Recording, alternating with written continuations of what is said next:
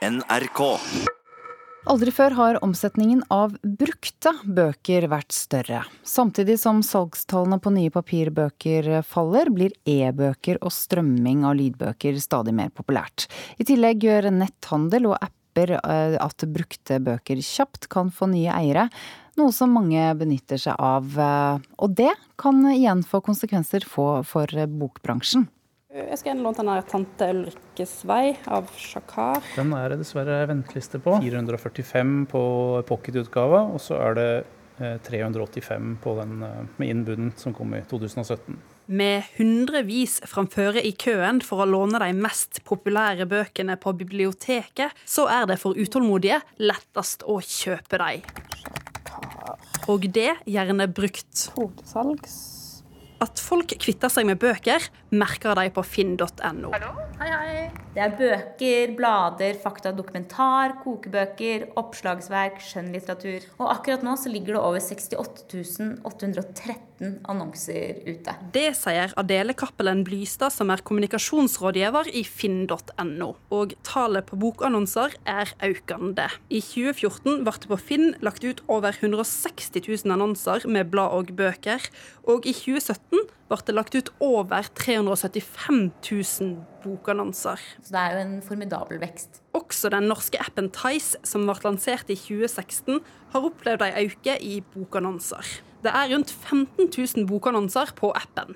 Den tyske appen Spock har blitt lasta ned over 700 000 ganger siden lansering i Norge. Bøker er en av de fem største kategoriene deres.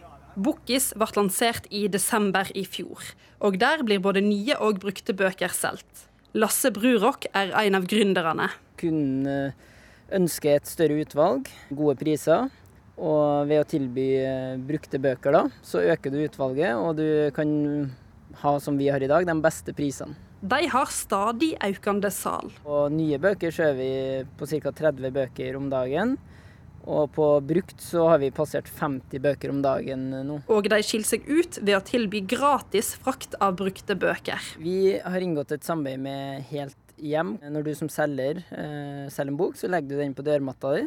Og da kommer avisbudene deres, henter boka på natta og leverer den ut til dørmatta i hele landet. Trine Stensen er administrerende direktør i Bokhandlerforeningen. Og hun sier de har sett at bruktbokmarkedet har blitt profesjonalisert i det siste. Hvis det medfører at det blir en nedgang i eh, nyboksalget, så kan det jo få konsekvenser for hele verdikjeden. Altså, forfatterne er jo avhengig av å selge nye bøker.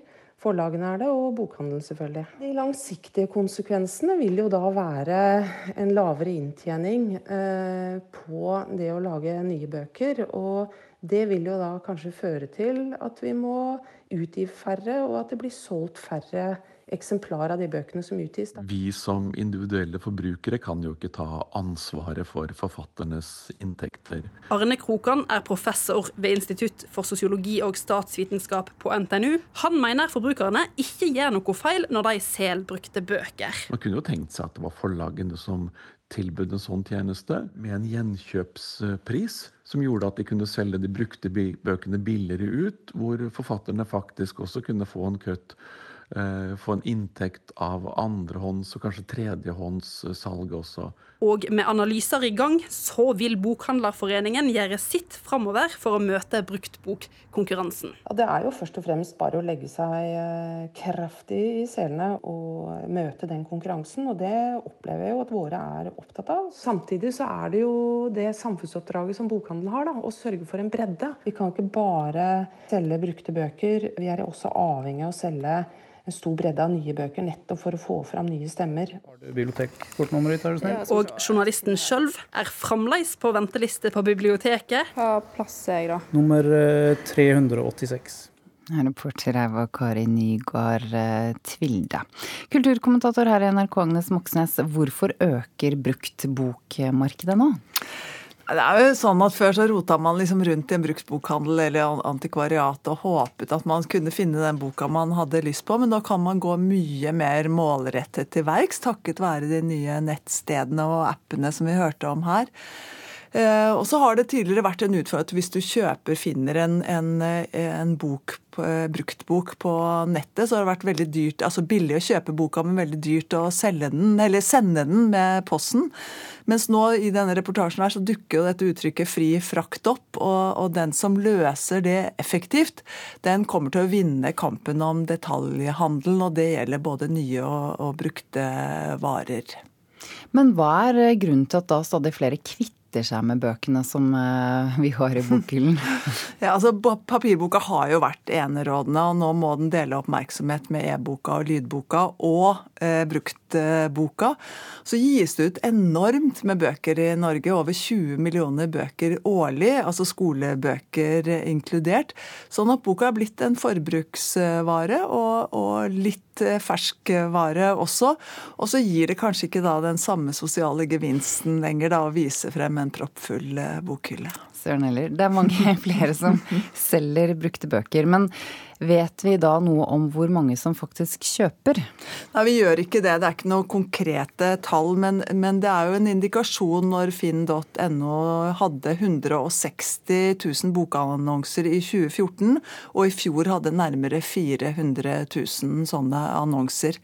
Så selv om vi ikke vet hvor mange som endte med salg av disse annonsene, så sier det jo sitt at folk har tro på det.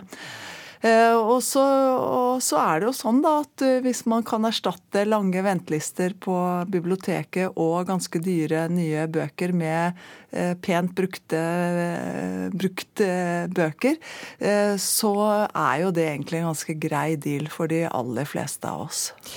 Vi hørte litt om det i saken, for dette får jo da mm, konsekvenser for bokbransjen. Og det er vel ikke gode konsekvenser for dem? Nei, altså Nå kommer liksom utfordringene rekke, på rekke og rad for den norske bokbransjen. Eh, Kulturnytt, Vi har jo vist i, i sommer at det siste året det har vært ganske mørkt for salget av eh, nye bøker, særlig skjønnlitteratur. Eh, og det å gi ut bøker det er en utrolig krevende forretningsidé. Eh, fordi at hvis et forlag gir ut la oss si 100 bøker, så kan de nesten ikke regne med å tjene penger på mer enn 10 av de 100 bøkene. Eh, så det er et vanskelig marked å beregne. Så når f.eks. Tom Egeland, som nå ga ut en bok for, for bare en ukes tid siden, den boka skal forlaget tjene penger på. Den skal koste mellom 300 og 400 kroner eh, iallfall altså nesten et år fremover. Og nå ser jeg nå, hvis du går inn på disse bruktbokappene nå, så ser du at den boka allerede er på, på tilbud som bruktbok for halv pris. Ja, Forlagene kan også selge sine egne brukte bøker, eh, mener denne forskeren som vi hørte i saken. Eh, er det en god idé? Ja, altså Et gjenbruksmarked som forlag eller bokhandlere kan uh, lage, det, er, det kan jo være en måte å gjøre på.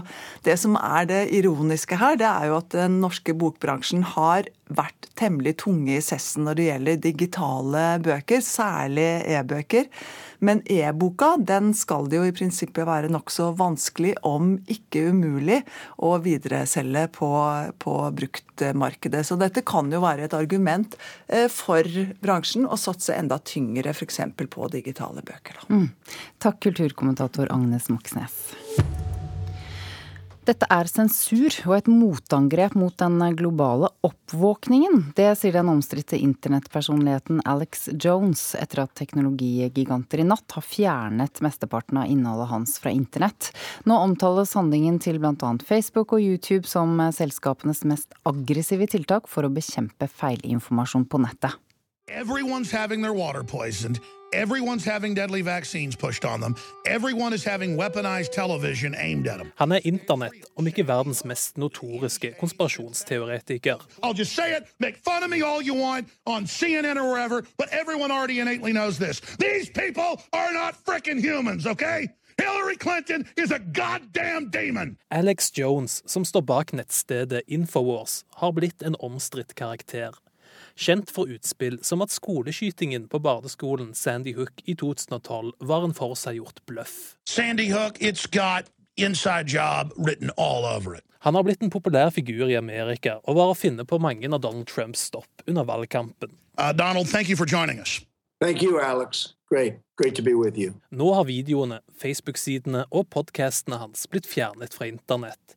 Han hadde Facebook-sider med flere millioner følgere og en YouTube-kanal med 2,5 millioner abonnenter og flere milliarder visninger.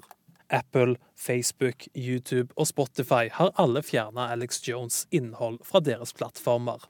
De mener at han har brutt med deres standarder, særlig på punktet om hatefulle ytringer. All I can say is we've been shadow banned for a year and a half. And quite frankly, it's only made us stronger. Alex Jones kaller dette her for sensur og et motangrep på den globale oppvåkningen. And President Trump, the Republican Congress, the state houses, independent media all need to rally together against this global move to censor America and the planet. Men faktum er at Jones nå har havna midt i debatten om hva slags ansvar nettgigantene har for innholdet på deres plattformer. Etter fake news ble et vanlig ord, har debatten gått om hvorvidt aktører som Facebook har ansvar for å fjerne feilinformasjon, noe de har motstridt seg tidligere. Facebook-grunnlegger Mark Zuckerberg har de siste åra måttet forsvare seg i en rekke høringer om deres rolle i spredning av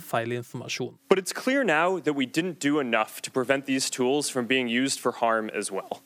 And that goes for fake news, for foreign interference in elections and hate speech, well as developers and data privacy. For teknologigigantene har stått ved et veikryss. De vil bekjempe feilinformasjon, men samtidig ikke bli sannhetsbærere. We didn't take a broad enough view of our responsibility, and that was a big mistake. Den koordinerte fjerning av Jones' innhold de siste dagene viser et skifte i teknologigigantenes standpunkt på innhold som spres gjennom de, og flere medier omtaler det som selskapenes mest aggressive tiltak for å bekjempe feilinformasjon på internett. And this is where we get tested. So rejoice to God for this animating contest of liberty. Ah! Reporter Ola Solheim.